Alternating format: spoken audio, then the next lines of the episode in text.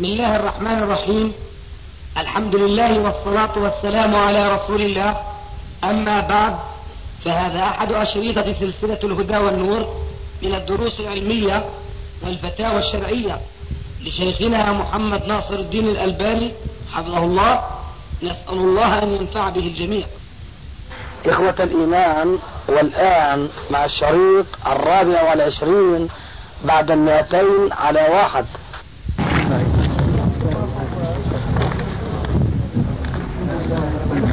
السلام عليكم. لي أبو عبد الله نعم. يمكن مفاتيح البيت معه. عشان تسبقنا. إن شاء الله. ما تأخر. ماشي إن شاء الله. تفضلوا شغلكم إن شاء الله. نحن سبقنا. بعد هذا ما. يا الله. هناك رجل شيخ كان يخاف من اللصوص في الدار. فكهرب الشبابيك بال- بالكهرباء. والباب نفسه. فجاء لص فمات طب الكهرباء مسكته حتى قضي عليه فماذا على هذا الرجل؟ يعني إن هذا سارق إن كان يعلم أن الكهرباء يقتل فهو قاتل متعمد.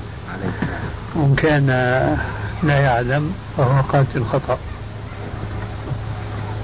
نعم. باقي سؤال مصر بيقول لي على عملية الحجاب في بعض الإشكالات عليه الإخوة هناك في مصر. على إيش الإشكال؟ على الحجاب يعني على النقاب ذات نفسه. إيه؟ بيقولوا إن هو مثلا في ناس بيقولوا عليه إن هو بدعة نقاب ومستحب وبيقول عليه فريضة. فهو واقف في الإشكال ده ف... الجواب في كتاب الحجاب. آه، ما هو قرأ الك- الكتاب بس هو طيب نحن أجبنا عن هذا.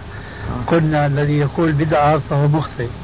عليكم السلام والذي يقول بأنه فرض فهو مخطئ.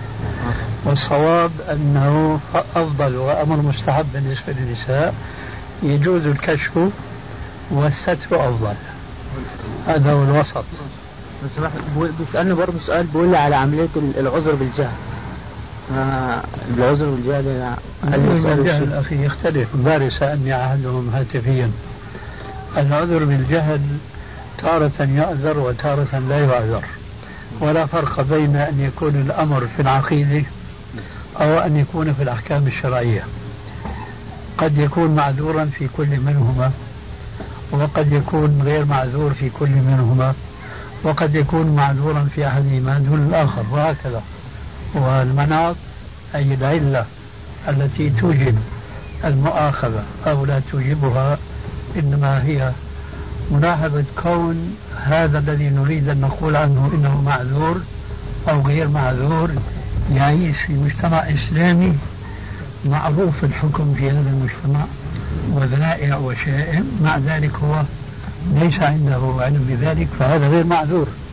وبين شخص آخر يعيش في مجتمع إما غير إسلامي محض كالمجتمعات الكفرية وعليكم السلام ورحمة الله وبركاته. أهلا دكتور. وإما يستعيد يعيش في مجتمع إسلامي اسما. ها؟ آه حينئذ هذا يكون معذورا لأنه لم تبلغه الحجة. عرفت الفرق؟ طيب. عليكم السلام دولة غير عليكم بالنسبة السلام للحمامات في هالأيام فيكون آه، فيها دورات المياه. فما حكم الوضوء أو الاستحمام أو غسل المكان ذكر الله عز وجل فيها دورة المياه إيش آه. فيها؟ يعني الحمام بال- بالنسبة للغسل الحال يعني إيش الإشكال يعني؟ مش فاهم. الرسول نهى عن ذكر الله عز وجل داخل دورات المياه. أنت تقصد ال- الحمامين في الدور؟ آه. آه. يعني غرفة مثلا صغيرة مترين في مترين في جانب من في زاوية من الحرام وفي جانب آخر المنسلة التي يتوضأ فيها. لا بأس من ذلك إطلاقا لأن المشكلة إنما هي أن يذكر الله عز وجل في أثناء جلوسه لقضاء حاجته. هذا هو المحظور. فإذا هو انت- انتهى من ذلك استنجى واستبرأ وقام إلى المغسلة ولا بد من التسمية حين ذاك. هذا ليس في أي شيء لأن هذا المكان ليس هو المرحاض. هذا حمام كيف المرحاض في زاوية من هذا المكان. فهناك إذا جلس لقضاء الحاجة ففي أثناء هذا الجلوس يحرم عليه ذكر الله عز وجل وإلا قبيل ذلك لا بد من التسمية قبل أن يرفع ثيابه. لا بد من التسمية ولا بد من الاستعاذة. فإذا ما جلس لقضاء الحاجة حرم عليه ذكر الله عز وجل. إذا انتهى من ذلك ماذا يقول غفرانك؟ إذا انتهى من هذا القول وانتقل خطوة إلى جانب آخر من الحمام فيذكر الله ويفعل ما يشاء من الأذكار. فرغ من الأولى واضح؟ غيره. بالنسبة للمسح على الشراب ممكن الواحد يمسح على الشراب؟ إيه، ممكن. يعني لو كان مقطوع؟ ولو كان مقطوعا. وماذا تعني بالمقطوع؟ يعني مثلا مخروق مخروق آه مخروق يعني. آه. إيه؟ ولو كان مخروقا أخرق من دين داود. ما يهم. آه غيره. أبو داوود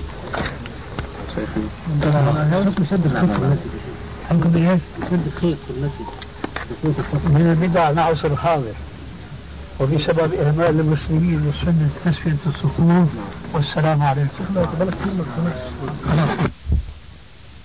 السلام وبركاته. إذا كان هذا الظن يعني وارد فلا ينبغي أن يقرأ كلام يشابه فيه بالقرآن فهمتني؟ طيب. نعم. أبو العتاهية الذي يشهر بالشعر. هل هل له أي أشياء في, في الإسلام كعلم ككذا؟ شو أبو العتاهية إيه؟ هل له أي شيء في علم في, في الإسلام؟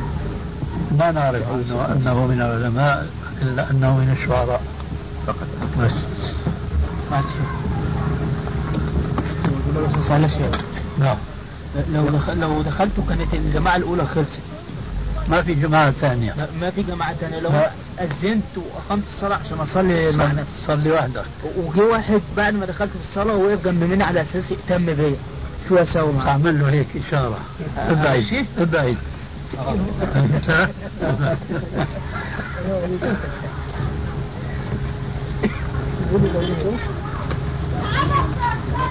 ابعد دلوقتي الشيخ انت قلت لي قبل كده ان في فرق بين الأذان اللي بتاعت صلاة الفجر حوالي 25 دقيقة أو 30 دقيقة هنا. دلوقتي بي- بيظهر الصبح قبل ال 25 دقيقة دي.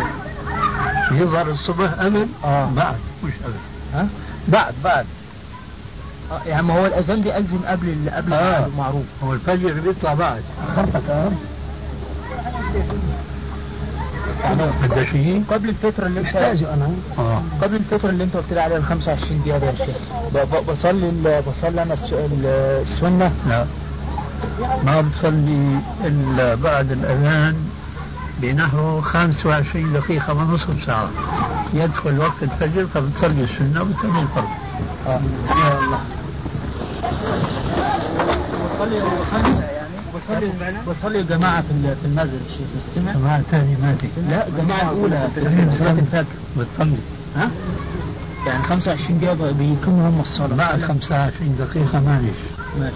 نعم. الله. يحفظك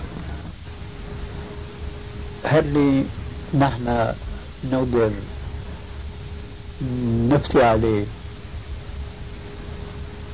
إذا كانت أعلى الإسلام رسميا كما يقولون ومنطلقها في حياتها على مقتضى هذا الإسلام فهي تدفن في مقابر المسلمين.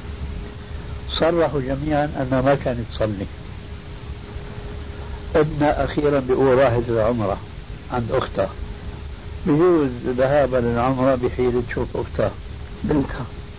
ها؟ بنتها هي بنت هذه ال- آه آه، نعم بنتها المقصود فجوابي إذا كان منطلقة في حياتها بتدل على إسلامها فهي تدفن في مقابر المسلمين ولا يجوز أن تدفن في مقابر النصارى وإذا كان منطلقها في حياتها بدل على أن هي كلمة قالتها ما تعرف شو الدوافع الشخصية التي حملتها على أن تسجل نفسها أنها مسلمة وفي حوادث كثيرة من هذا القبيل لا تخفى على الجميع.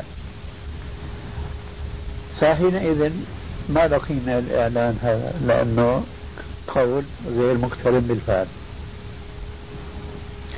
فإن تابوا وأقاموا الصلاة وآتوا الزكاة فخلوا سبيلهم. هيك في القرآن الكريم؟ سألت أن كانت تروح على الكنيسة يوم الأحد يعطي جواب في حدا يقول أنا ما شفتها. على ذلك تجتمعوا وبتصفوا حياتها كيف كانت. إن غلب على حياتها أنها مسلمة تدفن في المسلمين وإلا في النصارى. جزاك الله خير. طيب وظيفة شيخنا أمثالنا يعني المسلمين بدخلوا مقابر هذه النصارى وبقوموا بدفنها؟ لا. لا. ولا حتى إبنها؟ لا إبنها ما في مانع. لكن تشييعها وكذا ما بيجوز جزاك الله خير. أنها مسلمة تدخل في مقابر المسلمين. وإذا ثبت أنها كانت في منطلق حياتها ليست كذلك فلا تدخل في مقابر المسلمين. وأنا ما بقول ادفنوها هون ولا هون لأني ما بعرف شو حياتها طيب شيخنا بالنسبة لأولادها أو من يشاهدها يعني يوميا؟ ما هو ما أعطى جواب. أي نعم الآن نفترض لو هذا مثلا شريط سمعناهم إياه الآن ونقول أنت مثلا يا ابنها أو يا بنتها شو بتشهدوا عليها؟ فستسأل أمام الله يوم القيامة أنت على هذه الشهادة. فبروا أنفسكم أمام الله فإن كانت يعني معاملاتها وصلاتها وكذا زي الإسلام زي المسلمين فتدفن في مقابر المسلمين. وإلا فإذا كانت معاملاتها وأسلوبها وحديثها وذهابها للكنيسة أو كذا فتدفن في مقابر النصارى وأنتم مسؤولون عن هذا. ما هذا أنا كلامي يدور حول هذه القضية أي نعم. نحن ما نعرف حياتها هن أعرف نعم. فإذا بيحكموا أنه كانت مسلمة عملا تدفن في مقابر المسلمين وإلا في مقابر النصارى. فالحكم بيصدر من عنده نحن أعطيناه المبادئ نعم. وبس. جزاك الله خير يا شيخ. وإياك 1378 إذا أن 80 والآن 10 سنوات. 80 نعم. 10 سنوات. 1378 نعم نعم نعم. 28 سنة. نعم ما شاء الله. نعم. بين 28 سنة إنسان بيتعلم إنسان بيطلع على ما كان لا يعلم. فبيتغير الإنسان في تطور. صحيح وناس بيتعجبوا إنه ليش أنا في كتاب بصحح وفي كتاب بضعف نعم. تظنوا إنه العلم جامد نعم. بقول يا جماعة العلم لا يقبل الجمود ولذلك فأنا في دراسة مستمرة. بحط هوامش وبصحح والى آخره. فانا بسرني أن واحد ينبهني على أخطائي لكن مو بهالأسلوب هذا لأول مرة نرى اسمه في زمرة مؤلفين. رضا محمود عيسى. رمضان شيخنا؟ آه رمضان محمود عيسى. نعم. الأحاديث الضعيفة في سلسلة الأحاديث الصحيحة. شو بيقول بعد المقدمة هذه إن الحمد لله نحمده ونستعينه ونستغفره إلى آخره. تفضل بس ارفع صوتك. المرأة خرج لها لحية أو نبت في وجهها شعر. صحة وعافية. لا تزيله صحة وعافية. هذه خير يا شيخ وإياك.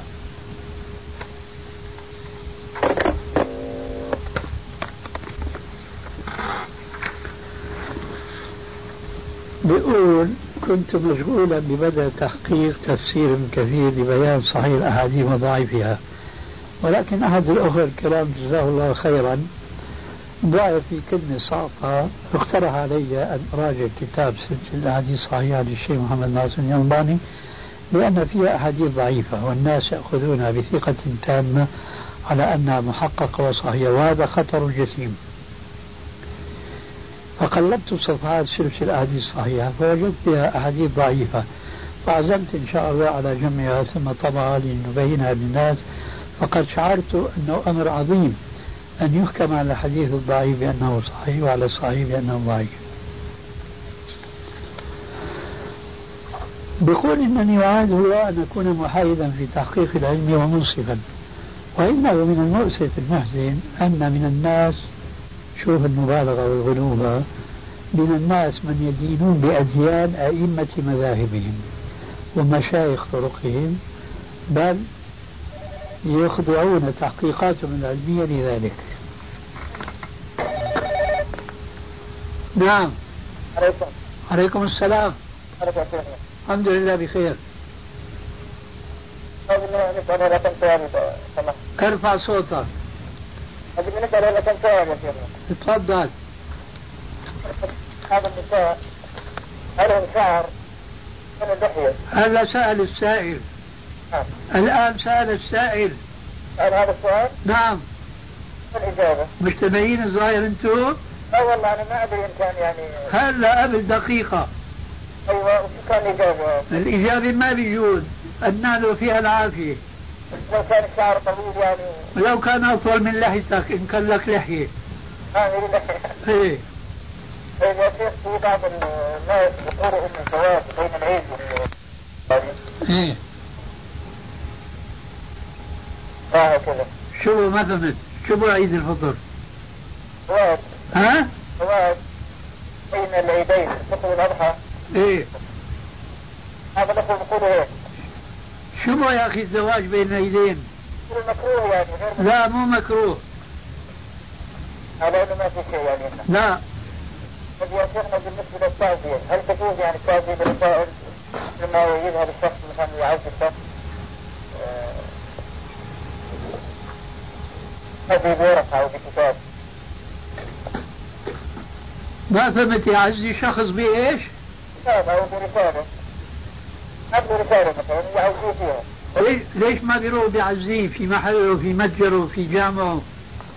قال نفرض إنه في مكان بعيد مثلا بالسعودية إيه إذا افترضت هيك عزيه بالكتاب والرسالة.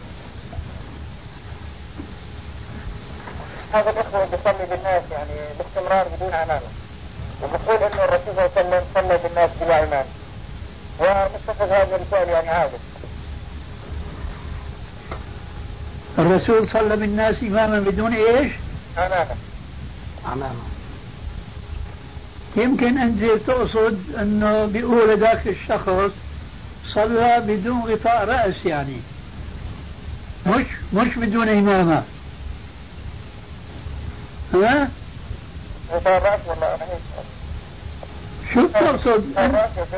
أنت شو بتقصد؟ هو شو بيقصد؟ لا هي يعني اللي بحط على راسه سواء كانت طاقية أو حتى أو شيء. الطاقية الله يهديك أنت وياه ما اسمع إمامة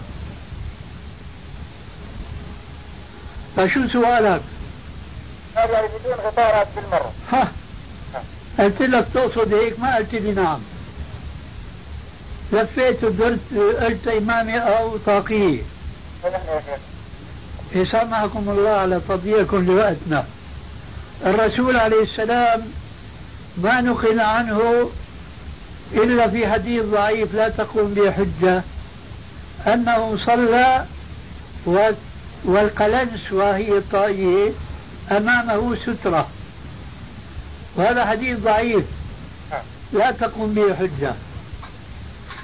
أما أنه صلى بطاقية أو قلنسوة وليس عليها إمامة هذا ممكن لأنه هي عادة الرسول عليه السلام. فكان يلبس ما تيسر له. تارة طاقية بدون إمامة. تارة إمامة بدون طاقية. تارة إمامة على قلنسوة وهكذا. فالأمر فيه يسر ولكن ليس فيه تصنع وليس فيه تكلف. هل اللي متيسر بيلبسه على رأسه لكن لم يكن من هديه عليه الصلاة والسلام أن آه، يمشي في الطرقات حاسر الرأس وبالتالي لم يكن من هديه عليه الصلاة والسلام أن يصلي حاسر الرأس واضح؟ طيب غيره شو عندك؟ هذا الرجل يصلي حاسر الرأس أخذ هذا. عادة يعني هذا هذا مكروه خلاف السنة. نعم. ألو. نعم. عليكم السلام ورحمة الله وبركاته. نعم. طيب.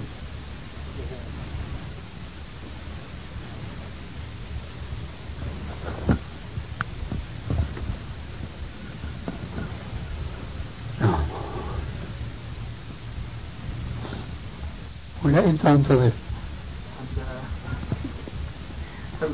ما هو عليهم مش عليك ما دخلنا علي أنا الوقت ذهب. وهو أغلى عندي من الذهب كما تعلم. خاصة الحديث مع المشايخ. الله نعم. السلام عليكم. وعليكم السلام. البئر العميق. نعم.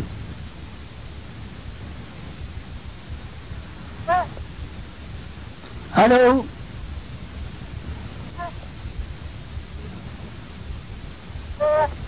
نعم. الناظر نسكر. نعم نعم. الأول. ها؟ الأول سؤال. السؤال الأول. تفضل يا أخي تفضل عجل.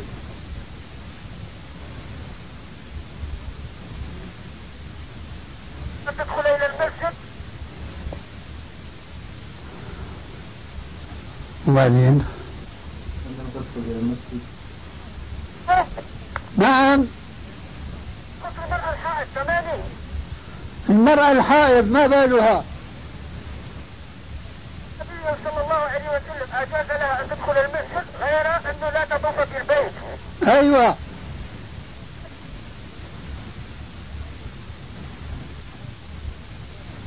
الجماعة أم لا تصلي؟ كما هو معروف تحية المسجد. هل تصلي أم تجلس في المسجد؟ تجلس بدون صلاة لا يجوز أن تصلي.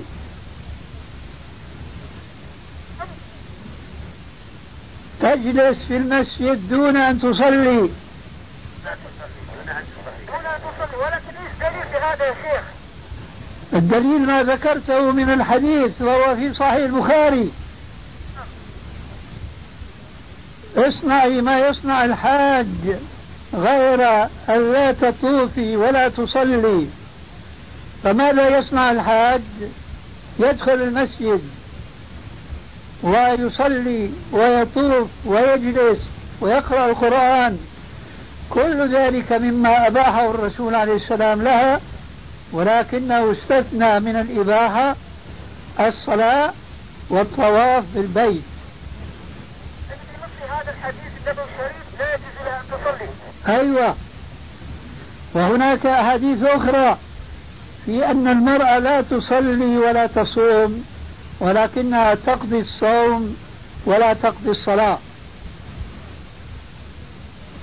يا شيخ. تفضل. آه، بالنسبة للمرأة إذا أسقطت فهل يعد الدم الذي ينزل منها دم نفاس أم لا؟ طبعا هو دم نفاس. هو دم نفاس. ولا تطهر حتى حتى ترى القصة البيضاء. أيوة.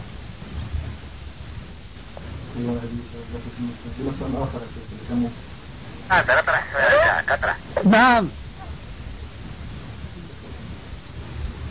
ألو. مع إخوته في شقة فيها ثلاث غرف. كل واحد منهم متزوج وله أبناء وأحد الإخوة سكين فهل يجوز له في هذه الحالة أن يحصل على سكن بطريق الصندوق الادخار وهو وهو ربوي؟ لا يجوز.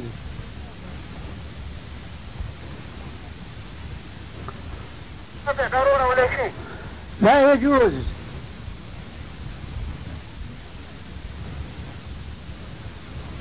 الزواج يا شيخ نعم. بالفضة فكيف يكون النصاب؟ الفضة لا قيمة لها اليوم تحول على ما يعادل الذهب.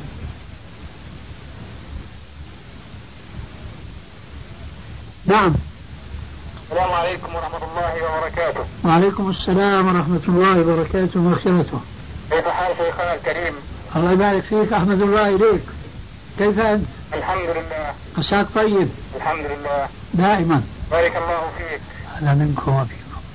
بارك الله فيك. وفيك بارك. ونفعنا الله بعلمك. الله يحفظك. لو سمحت لنا فضيلة الشيخ سؤال تفضل. آه، بالنسبة في إمام مسجد. وين؟ في مصر. ها؟ في مصر. آه في مصر. نعم. جمع الكتب ووضعها في مكان وليكن مثلا في في جوال في شوال. آه. فقال إنها علي عهدة ومنع الناس من الانتفاع بها رغم أن فيها تفاسير وفيها آه، كتب نافعة. هل يجوز سرقتها؟ وينقلها إلى أم؟ ينقلها حتى أصلا كان بعيد عن الأيادي يعني عن الانتفاع بها. سمعتني ما أسألك؟ نعم. أقول لك ما أقول يسرقها لكن ينقلها إلى أين؟ إلى جيبه إلى داره؟ في نفس المكان. كيف نفس المكان؟ المسجد. إذا كيف تسأل يسرقها وهو ينقلها إلى المسجد؟ لا يجوز إن أنا أسر- اسرقها أسرقها منه. انتفع بها؟ أنا بقول لك إلى أين يسرقها ويضعها؟ أين؟ في شوال. لا ولا قوة إلا بالله. والشوال أنا فاهم يا شيخ. أيوه. والشوال يحمله إلى أين؟ المسجد في الجامع ما ما اخرجوش من الجامع. ولكن أبعده عن أيادي الناس التي تنتفع بهذه الكتب. يا أخي وضعها أين على يديه في وضعها في, بيته هذا هو أنا بقول لك. آه، في بيته آه. لماذا وضعها في بيته؟ على إنها عهدة عليه. يعني أنت تعني أن هذه الكتب لا ينتفع بها رواد المسجد؟ أيوه. نعم. طيب ألا يوجد مسجد آخر ينتفعون به؟ يوجد مسجد آخر ينتفعون به. آه يوجد ولا لا يوجد. إذا السرقة حرام كالأصل. نعم واضح؟ واضح. طيب عندك شيء آخر؟ شيء آخر هل يجوز نشر الصور في الجرايد اليومية؟ هل يجوز إيش؟ نشر الص- الصور. نشر الصور؟ أيوه. في الجرائد اليومية وهذول اللي بيطبعوا الجرائد يعني فكرك بيحللوا وبيحرموا لحتى تسأل يجوز ولا لا يجوز؟ بالنسبة لنا إحنا ما دعوة بهم هم إحنا بنسأل بنفس لنا انفسنا إحنا. أنت عم تقول نشر إذا أنت تعني هل يجوز شراء الجرائد؟ يعني مثلا أنا عندي صورة أنت تعني هل يجوز شراء الجريدة؟ لا، مش اعني شراء الجريدة. إذا جريدة.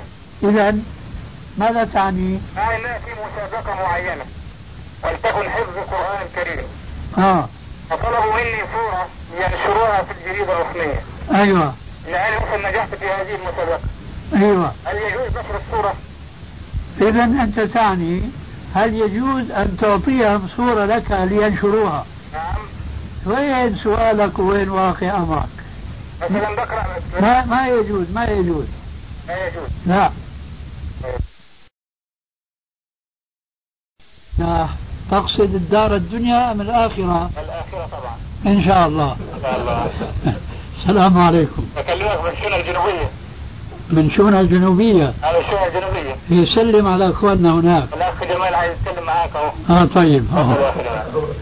السلام عليكم ورحمة الله وبركاته. وعليكم السلام ورحمة الله وبركاته. ومغفرته كيف حالك يا شيخنا الفاضل؟ أحمد الله إليكم جميعا. خير إن شاء الله. أرجو الله أن نكون جميعا بخير. كيف حال الصحة؟ ماشي الحال. صحة عجوز. نعم. صحة عجوز. أعانك الله وقواك الله. جزاك الله خير. كان الله وإياك الله يبارك فيك. تفضل. في سؤال من فضلك لو سمحت. تفضل. هل استشارة الوالد أو استئذان الوالد في مسألة الزواج واجبة؟ آه المستشير أعزب نعم. ما دخل الدنيا بعد؟ آه، لسه.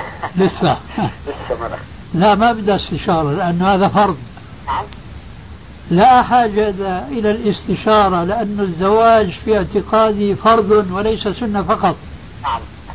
لأن إذا خشي الإنسان على نفسه العنت أيوة أيوة خشية من باب أولى. نعم. لأن النبي صلى الله عليه وآله وسلم كان يقول كما في الصحيحين نعم. يا معشر الشباب من استطاع منكم الباءة فليتزوج فإنه أغض للبصر وأحسن للفرج. ومن لم يستطع فعليه بالصوم فإنه له وجاء. فإذا كان الولد البار مستطيعا للزواج فعليه أن يطيع نبيه عليه الصلاة والسلام قبل أن يطيع أباه أو أمه. نعم نعم طيب استشارة الوقت تدخل في باب الاستحباب يعني يستشيره؟ فلا بأس على كل حال الاستشارة خير. كما قيل كما قيل وقد روي حديثا ولا يصح إسناده ولكنها حكمة. ما خاب من استخار ولا ندم من استشار ولا عال من اقتصد. الاستشارة مفيدة وبخاصة استشارة الوالدين. وقد يختاران وقد يختاران لك صاحبة الدين والخلق. طيب غيره. جزاك الله عنا خيرا. وإياك يا أخي. أتمنى منك إن شاء الله أن تدعو لنا بالتوفيق. أرجو لك ولنا التوفيق والسعادة في الدنيا والآخرة. اللهم آمين. بارك الله فيك. أهلا مرحبا. السلام عليكم ورحمة الله وبركاته. عليكم السلام ورحمة الله وبركاته ومغفرته آه. لكن مع ذلك نحن نقول أن هذه الغرابة. نعم. السلام عليكم ورحمة الله وبركاته. عليكم السلام ورحمة الله وبركاته. ومغفرته كيف حال شيخنا الكريم؟ أحمد الله إليك. سؤال صغير لو سمحت. كبره كبره. كبر جزاكم الله. أيوة. يكبر الأجر. هل يجوز الرجل أن يسمح لزوجته أن تخرج للتدريس بلباس شرعي؟ السؤال إلى هنا كامل ماشي لكن ينقصه. نعم. أين مكان التدريس؟ وهل تخالط الرجال أم لا؟ لا تخالف الرجال. لا تخالط؟ نعم. آه. يعني هي مدرسة بنات؟ بنات مدرسة بنات. ولا يأتيهن الرجال؟ ولا يأتيهن الرجال. إذا كان بهذه القيود فيجوز. ولكن المعاش كيف هو؟ نعم. معاشها راتبها. من الوزارة. راتبها. لا ليس هذا السؤال. نعم آه راتبها من يتمتع به هي أم أنت أو هو؟ هي وزوجها. هي وزوجها. نعم آه وهي راضية؟ وهي راضية. طيب لا بأس بذلك في هذه الشروط. لكن لها أولاد؟ لها أولاد. من يقوم على شؤونهم؟ الوالد طبعا. آه هنا انعكست الآية. هنا انعكست الآية. الوالد وزير خارجية والزوجة وزير الداخلية. فال... فالآن عكست النظام الإلهي. سبحان الله. إيه؟ يعني أنا خايف يجي يوم يصير وزير الخارجية اللي هو الزوج ينفخ ويطبخ ويكنس وهي تخرج وتعلم. نعم. وتصير هي وزيرة الخارجية. هو وزير الداخلية أيوه. هذا قلب النظام الإلهي ما يجوز. أما لو كان في أول الزواج أو كان قد ابتلي بالعقم ولله في خلقه شؤون وحكم وهي متحجبة وملتزمة ولا تخالط الرجال فينفع الله بها البنات. اما وهناك لها أولاد فيجب أن تقوم على تربية أولادها. ويجب على الرجل أن يحقق وزارته بأن يقوم بعمل خارج الدار. نعم. فالدار للنساء وليس للرجال. ولذلك قال رب العالمين في القرآن الكريم وقرن وقرن في بيوتكن ولا تبرجن تبرج الجاهلية الأولى. والآية فيها حكمان قد يتلازمان وقد ينفكان فقد لا تخرج وتتبرج تبرج الجاهلية الأولى. ولكنها تخرج بدون ضرورة أو بدون حاجة ملحة. فالأصل في المرأة كما يقول بعض العلماء السالفين المحققين الأصل في النساء الجلوس وفي الرجال البروز. والآن تنعكس الآية في هذا السؤال الذي فيه بعض المواصفات الطيبة. فضلا عن واقع كثير من النساء اليوم حيث يعملن في الدوائر وفي المعامل والمصانع وهذا كله خلاف الشرع. إذا إن كنت تسأل عن نفسك وزوجك نعم. فمرها أن تلزم دارك وأن تفتش عن عمل لك وإن كنت سأل عن صاحب لك فبلغه فأنا أكلفك بأن تبلغ ما سمعت وما علينا إلا البلاغ. والسلام عليكم. وعليكم السلام ورحمة الله وبركاته. دولاب العلم دائرا وماشيا إلى اليوم ما ينتهي علم الحديث أبدا. لذلك أنا أقول لعلمائنا لإخواننا الذين يطبعون كتبنا هذا الكتاب بين يدي. كنت أتحدث مع أخينا هذا وهو يسمى بأحمد أبو ليلى من إخواننا في الزرقاء. بين يدي الآن المجلد الأول من سلسلة الأحاديث الصحيحة وهيئه للطبعة الجديدة. نعم. السلام عليكم ورحمة الله. وعليكم السلام ورحمة الله وبركاته. شيخ ناصر. نعم. كيف حالكم يا شيخ؟ أحمد الله إليك. أنكم طيبون. طيبك الله حي وميتا. نحن نسلمكم من السعودية يا شيخ من منطقة الجبيل. منطقة إيه؟ الجبيل. الجبيل. أين نعم. هي في الشرقية؟ نعم في المنطقة الشرقية. أهلا ومرحبا. حياكم الله. أخوكم في الله محمد الهاجري. محمد الهاجري. أخوكم بعض الأسئلة أثابكم الله. أهلا مرحبا. شيخ أحسن الله إليك؟ بالنسبة لحديث أبي هريرة رضي الله عنه الذي رواه أبو داود على شرط مسلم الذي فيها الرجل المسبل الذي قال له أعد وضوءك. بالنسبة للمسبل هل تقبل صلاته يا شيخ؟ وما الصحة في هذا الحديث؟ آه قطعت علي استدراكي عليك. قطعت علي استدراكي الذي هممت به عليك. الصحة. أيوة. فكان ينبغي أن تسأل عن الصحة قبل كل شيء. لأن آه، تعلمنا من أهل العلم التأويل فرع التصحيح. إذا صح الحديث ينبغي أن نتفقه فيه وأن ننظر على ماذا يدله أما إذا ثبت ضعفه فحينئذ يقال كما يقال في بعض البلاد هذا الميت لا يستحق هذا العزاء. أي الحديث الضعيف لا ينبغي أن نشغل أنفسنا بالتفقه فيه وإنما نستأصل الموضوع بالقول بأنه حديث ضعيف فيه رجل مجهول. ولذلك نقول المسبل إزاره هو آثم أشد الإثم.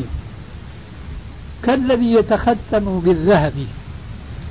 لكن هو آثم وصلاته صحيحة لأننا أيضا تعلمنا من أصول الفقه أنه لا يجوز إبطال صلاة رجل مسلم جاء بأركانها وبشروطها لمجرد أنه ارتكب إثما محرما. آخر سيئة صلى صلاة صحيحة ولكنه أتى بإثم. كالذي يصلي ومرت أمامه امرأة فنظر إلى شيء من مفاتنها. فهذا آثم لكن ليس عندنا دليل في الشرع يلزمنا بل يجيز لنا أن نحكم على صلاته بالبطلان لمجرد أنه ارتكب هذا الحرام. خلاصة القول الحديث ضعيف والإسبال حرام لكن لا دليل على بطلان صلاة المسبل إزاره واضح؟ وإليك. وإليك. آه دخلت المسجد وهذا الإمام مسبل إمام. أي نعم هل أصلي خلفه؟ ولماذا لا تصلي خلفه ما دام أنك عرفت بأن الصلاة صحيحة؟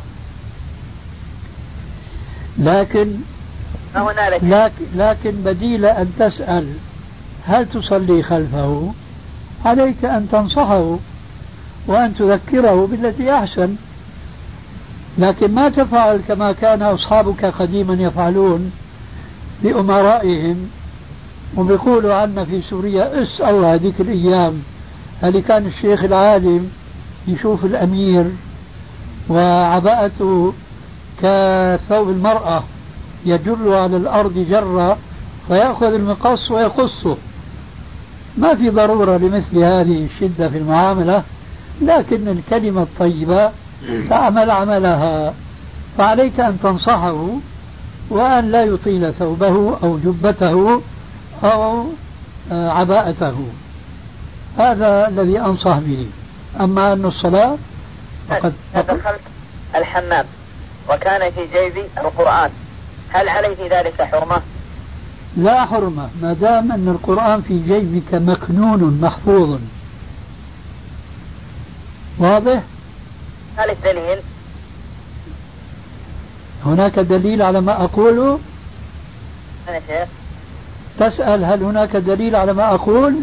نعم آه الجواب الدليل ليس على من يتمك يتمسك بالأصول والقواعد العلمية الفقهية وإنما الدليل على من يخالفها لعلك تعلم مثلي أن الأصل في الأشياء الإباحة وأن هذا الأصل لا يجوز الخروج عنه إلا بدليل شرعي ملزم فيقال القاعدة كذا ولكن استثني منها كذا.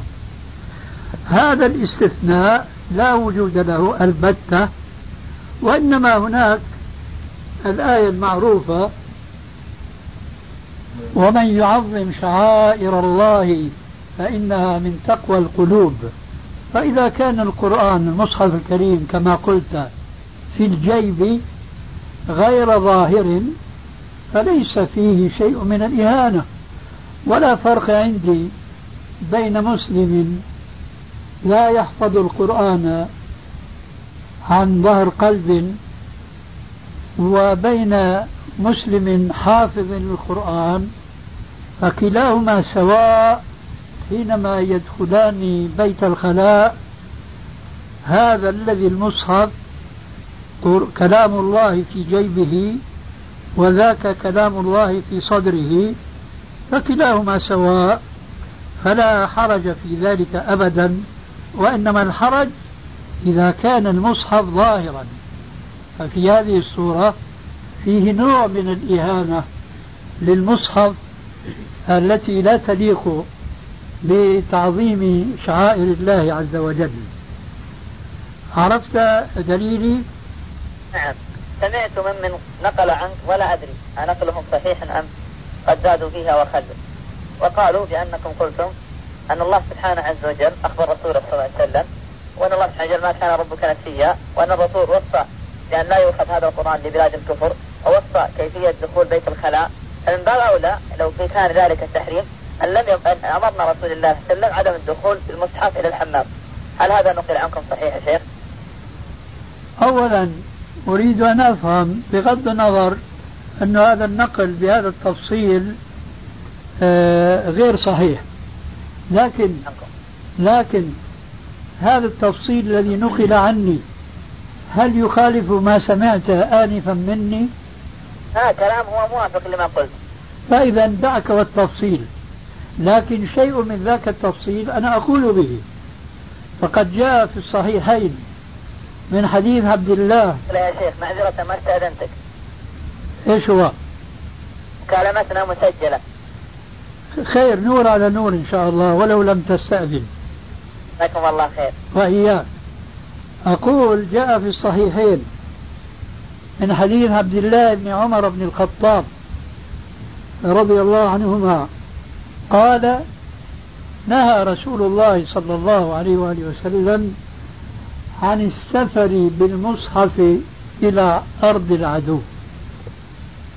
وفي رواية لمسلم لا تسافر بالمصحف إلى أرض العدو مخافة أن يناله العدو.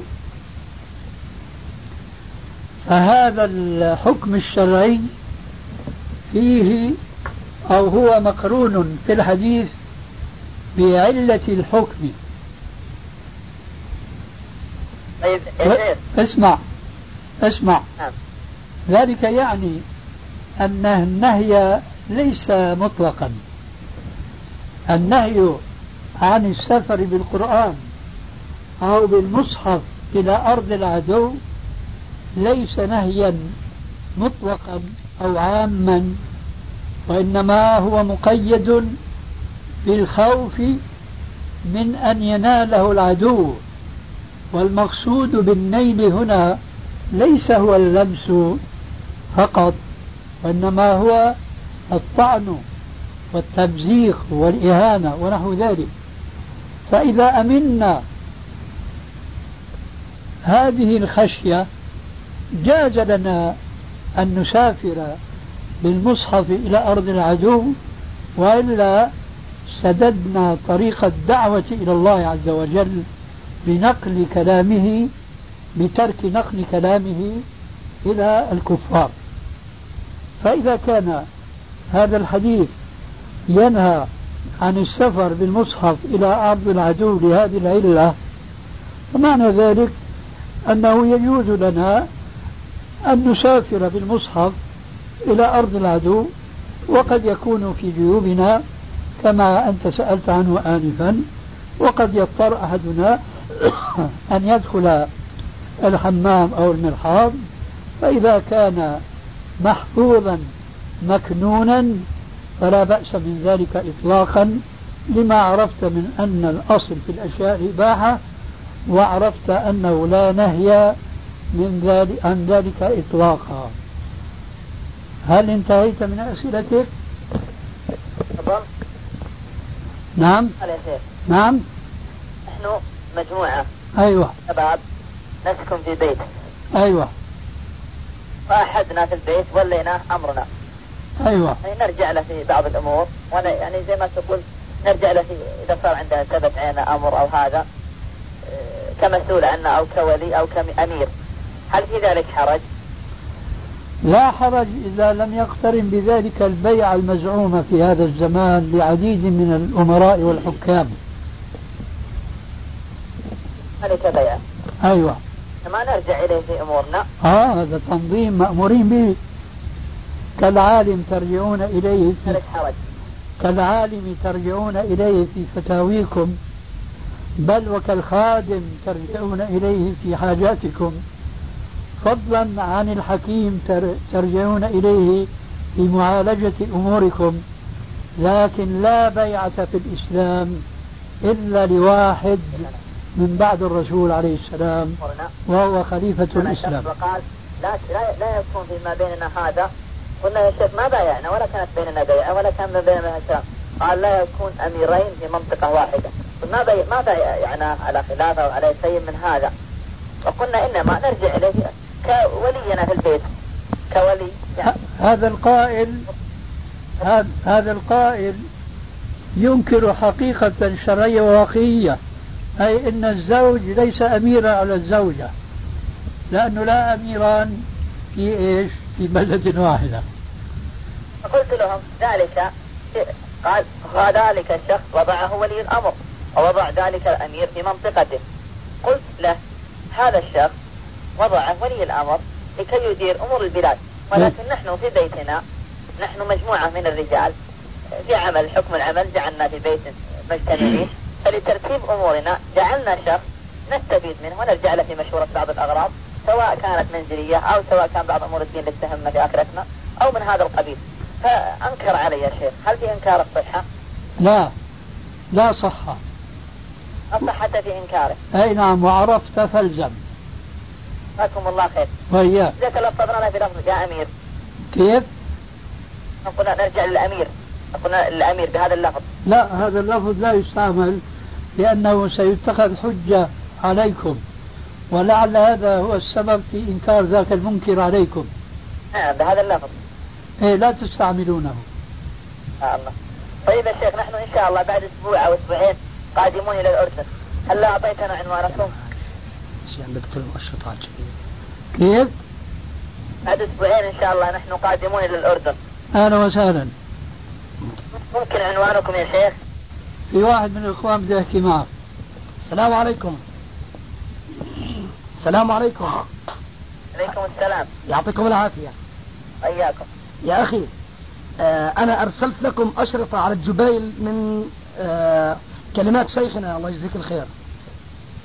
في بداية الشريط ستر الهدى والنور. هل وصلتكم؟ أرسلتها إلى من؟ آه بعض المحلات لبيع الأشرطة في الجبيل. الصديق أم ابن تيمية؟ ما أدري. على كل إذا بتريد عندي مجموعة كبيرة لشيخنا يعني في الأشرطة. أيوة. أي نعم. فتتصل فيه إذا بتريد بكرة أو بعده على التلفون هذا في الزرقاء. أعطيك إياه من اليمين لليسار. أيوة. ابدأ من جديد. هذا سبعة واحد ثلاث. أيوة. خمسة ثمانية تسعة. أيوة. الزرقاء. الزرقاء. اسمك؟ محمد أبو ليلى. أبو ليلى. طيب أعطنا شيخنا. تفضل. السلام عليكم. عليكم السلام ورحمة الله وبركاته. أنتم إذا الله جئتم نأتيكم بعد أسبوعين. نريد العنوان. إذا جئتم إن شاء الله نعم. عنواني عمان ماركا الجنوبية. معركة نعم. ماركا الجنوبية قرب مدرسة البنات الثانوية. نعم. وبس. مو بجنب جبل العملات هو جبل أملان قريب منا لكن هذا العنوان أقرب إلينا. يعني بيننا وبين المدرسة نحو يعني 100 150 متر مش كيلو متر طيب أثابكم الله. أهلا وسهلا. وإذا أشكل عليكم الأمر تتصلون بنا هاتفيا نعم. ويكون رقمنا معكم إن شاء الله. السلام عليكم ورحمة الله. وعليكم السلام ورحمة الله. من التأويل. أولئك أول نصوص العقيدة. السلام عليكم ورحمة الله وأولئك أول نصوص الفقه والأحكام. وعليكم السلام ورحمة الله وبركاته. مشغول يا شيخ؟ نعم. آه لا تستطيع الآن التحدث. تفضل إيش عندك؟ آه كنت آه نراجع ونتدارس آه حديث صلاة التسبيح. أيوة. كنا فيها فإذا بعض طلبة العلم كأنهم يقولون في هذا الحديث شيء وعندما تدارسنا السند فكانوا يتكلمون عن المتن ويذكرون أن المتن قدح فيه لأن الصلاة هذه لم يأتي لها هيئة سابقة ولا معتادة. فالسؤال هل تكلم أحد في المتن؟ تكلم بعضهم كما نقلت عن بعضهم. يعني تكلم في المتن. ما أقول تكلم في المتن. أقول تكلم بعضهم كما تكلمت أنت عن بعضهم. نعم. يعني قالوا أن هذه الصلاة تخالف هيئات الصلاة المعروفة الثابتة. هذا هو الذي قالوه. من من ال- المشهورين أو الم- المعروفين في هذا الفن؟ إمامنا ابن تيمية. نعم. ومن قبله ابن الجوزي. معروف الموضوعات أيوة. لكن كلامهم مردود. لأن هذه العلة علة عقلية منطقية.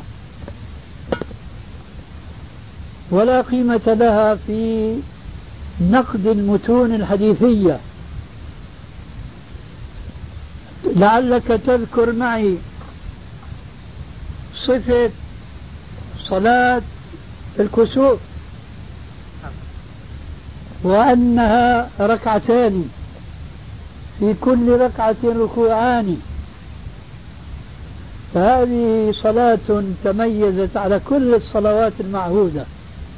فماذا يضر بعد ثبوت الحديث بذلك عن الرسول عليه السلام على رغم مخالفة الحنفية لهذه الكيفية. فما يضر هذا النقد إطلاقا.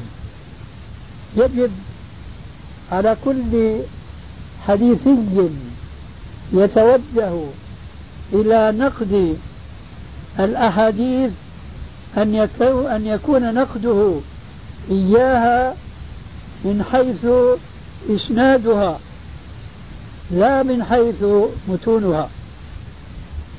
ولكن إذا لم يثبت الحديث حديث ما من حيث إسناده حينئذ يتوجه الناقد إن كان عنده منطق إلى نقد المتن أيضا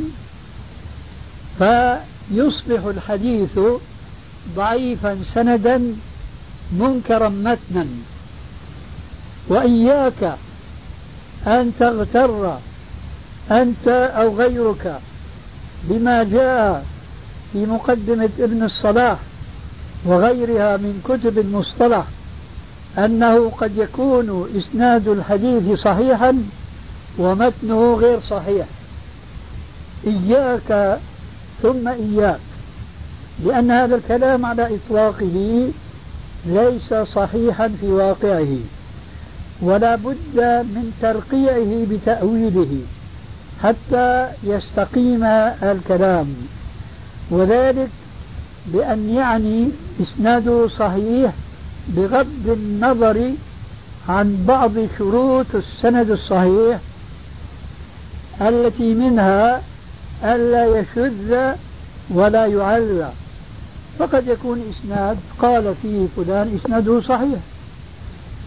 وهو معذور لأنه لم تتبين له العلة. تتمة الكلام في الشريط التالي. ينقسم إلى قسمين علة جلية وعلة خفية. والعلة الثانية هي التي تخفى على كثير من العلماء فضلا عن غيرهم. فإذا قال قائلهم قد يكون إسناد الحديث صحيحا فهو بهذا التأويل. أما إسناد صحيح سالم من أي علة ويكون المتن منكرا ضعيفا هذا لا وجود له في الدنيا. إذا عرفت هذه الحقيقة فينبغي كما قلت آنفا أن يتوجه الناقد إلى الحديث بنقد الإسناد فإذا سلم السند سلم المتن وإلا فتحنا طريقا.